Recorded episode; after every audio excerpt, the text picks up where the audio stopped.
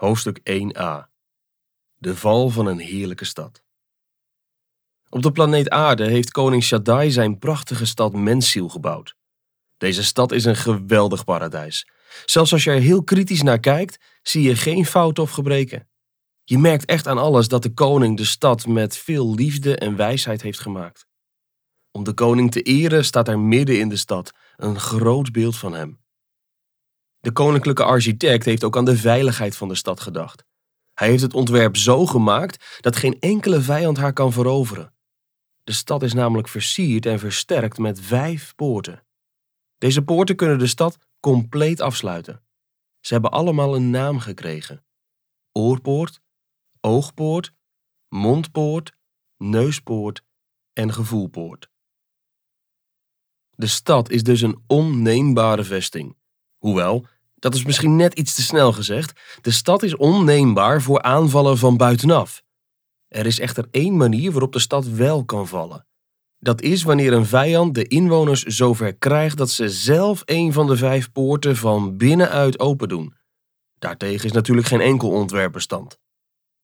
De inwoners van de stad Mensiel zijn trouwens niet de enige bewoners van de planeet Aarde. Ver bij de stad vandaan woont bijvoorbeeld nog een machtige reus, Diabolos. Hij was eerst een dienaar van koning Shaddai. Maar op een dag deed hij iets verschrikkelijks. Hij pleegde een aanslag op de zoon van de koning, prins Immanuel. Op die manier hoopte hij de plaats van prins Immanuel in te nemen. Maar dit hoogverraad werd doorzien. De staatsgreep mislukte. De trouwe dienaren van de koning versloegen Diabolos en zijn handlangers en ze wierpen ze uit het koninklijk paleis. Na al die jaren is Diabolos deze nederlaag nog niet vergeten. Integendeel, vol haat zint hij op wraak. Hij wil zich, ten koste van alles, wreken op koning Shaddai. Wat hij van plan is? Hij wil de koning treffen door een aanval te plaatsen op het mooiste onderdeel van zijn schepping, de planeet Aarde.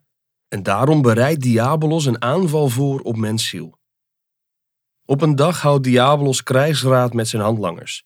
Samen bedenken deze duivels, want zo mag je ze wel noemen, een plan om mensziel in te nemen. Ze zijn het er al snel over eens dat het niet zo slim is om met een groot leger op te trekken naar de stad. Zo'n grote groep ziet mensziel natuurlijk al van mijlenver aankomen en dan slaan ze al bij voorbaat alarm.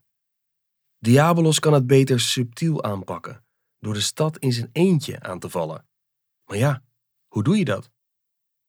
Een van de duivels, Lucifer, heeft een idee en hij zegt: Diabolos, je moet er niet op afgaan in je gewone verschijning. Daarmee schrik je de inwoners van de stad meteen af. Dan gaan alle alarmbellen rinkelen en krijgen we die stad nooit in handen. Volgens mij moet je het anders aanpakken. Je moet je zo vermommen dat je geen argwaan wekt. Wat als je je verkleedt als een van de dieren waarover de inwoners van Mensiel de baas zijn? In de stad kennen ze die dieren natuurlijk goed. Ze zijn er vertrouwd mee. En als ze er vervolgens eentje buiten de stad zien lopen, zullen ze daar niet meteen iets achter zoeken. Lucifers voorstel wordt enthousiast ontvangen en met algemene stemmen aangenomen. Ze zijn er snel uit. Diabolos zal zich voor zijn tocht vermommen als een slang. Dat dier staat bij de inwoners van Mensiel bekend als heel slim. Diabolos werkt het plan verder uit en hij gaat op weg naar Mensiel. Wanneer hij de stad dicht genoeg genaderd is, blaast hij op zijn trompet. Met spanning wacht hij af of er iemand op de muren zal verschijnen. En jawel, even later komen enkele hoge heren tevoorschijn onder leiding van kapitein Verzet. Deze kans laat Diabolos niet glippen. Hij spreekt de heren poeslief toe. Beste mensen, ik wil even zeggen dat ik echt medelijden met jullie heb. Ik vind het schandalig hoe koning Shaddai jullie onderdrukt. Als ik het goed begrepen heb, hebben jullie midden in de stad een prachtige boom staan waar jullie niet eens van mogen eten. Klopt dat? Dat is toch raar? Vind je dat zelf ook niet? Jullie koning heeft vast niet zomaar gezegd dat je daar niet van mag eten. Waarom heeft hij eigenlijk gedreigd dat je zult sterven als je zijn gebod overtreedt? Wat zit daarachter? Denk daar eens over na. Het is toch belachelijk dat jullie koning op het eten van zo'n heerlijke vrucht de doodstraf heeft gezet. Nu zijn jullie dus allemaal bang vanwege zo'n rare waarschuwing. Dat kan toch niet de bedoeling zijn? Jullie voelen toch zelf ook wel aan dat daar iets achter zit. Leven jullie nou in vrijheid? Nou, laat mij jullie vertellen, die vrucht is eigenlijk een wondervrucht. Zodra je daarvan eet, zul je worden als goden. Je zult wijs worden. Je zult eindelijk weten wat goed en kwaad is, want daar hebben jullie nu nog geen idee van. Terwijl de hoge heren van Mensiel vanaf de muur geboeid staan te luisteren naar die honingzoete woorden van Diabolos, grijpt een van Diabolos' helpers zijn kans. Snel richt hij zijn boog op kapitein Verzet. De pijl zoeft weg en een tel later valt de kapitein dodelijk getroffen naar beneden. Wat een groot verlies voor Mensiel. Kapitein Verzet was namelijk een van de weinige echte verdedigers van de stad. Nu hij er niet meer is, is het voor Wijfelaar, een handlanger van Diabolos, nog maar een koud kunstje om de andere inwoners van Mensiel zover te krijgen dat ze van de verboden vrucht eten. En dan gebeurt er iets verschrikkelijks. Terwijl ze eten van de verboden vrucht, worden ze allemaal op slag dronken. In die dronkenschap doen ze het domste wat je kunt doen. Ze openen de oogpoort en de oorpoort. Zonder slag of stoot kan Diabolos met zijn leger Mensiel binnentrekken en innemen. Alles verloopt volgens plan. Dit is precies waar Diabolos op uit was. Diabolos is nog maar nauwelijks binnen de poorten of hij zet gelijk de stad naar zijn hand. Het eerste wat hij doet, is burgemeester Verstand ontslaan. Die man heeft erg veel inzicht in allerlei zaken. En dat is precies wat Diabolos nu niet kan gebruiken. Burgemeester Verstand moet de stad niet langer regeren. In zijn plaats stelt Diabolos een van zijn helpers aan, meneer Vleeselijke Lust.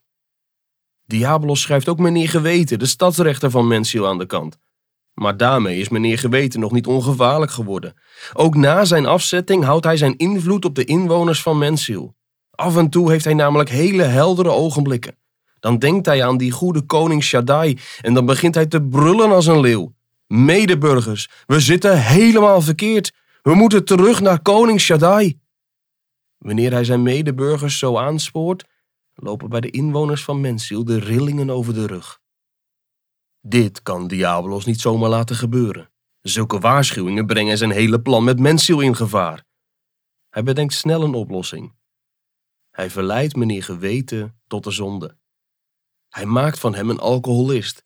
Niet in één keer, maar stapje voor stapje. Hij zet hem eerst één borrel voor, de volgende dag twee, en op die manier gaat hij verder. Diabolos weet dat deze tactiek goed werkt. Ze doet er dat eigenlijk met bijna alle zonden. En ook nu mist het zijn uitwerking niet.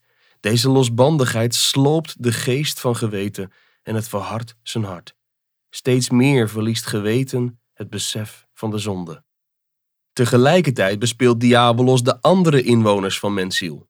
Hij zegt tegen hen dat meneer geweten niet zo goed meer bij zijn verstand is. Anders zou hij toch altijd spreken over koning Shaddai. De inwoners moeten maar eens opletten. Meneer geweten doet dat slechts af en toe. Diabolos vertelt dat geweten op die momenten last heeft van stuiptrekkingen. Dus dat moeten ze maar niet al te serieus nemen.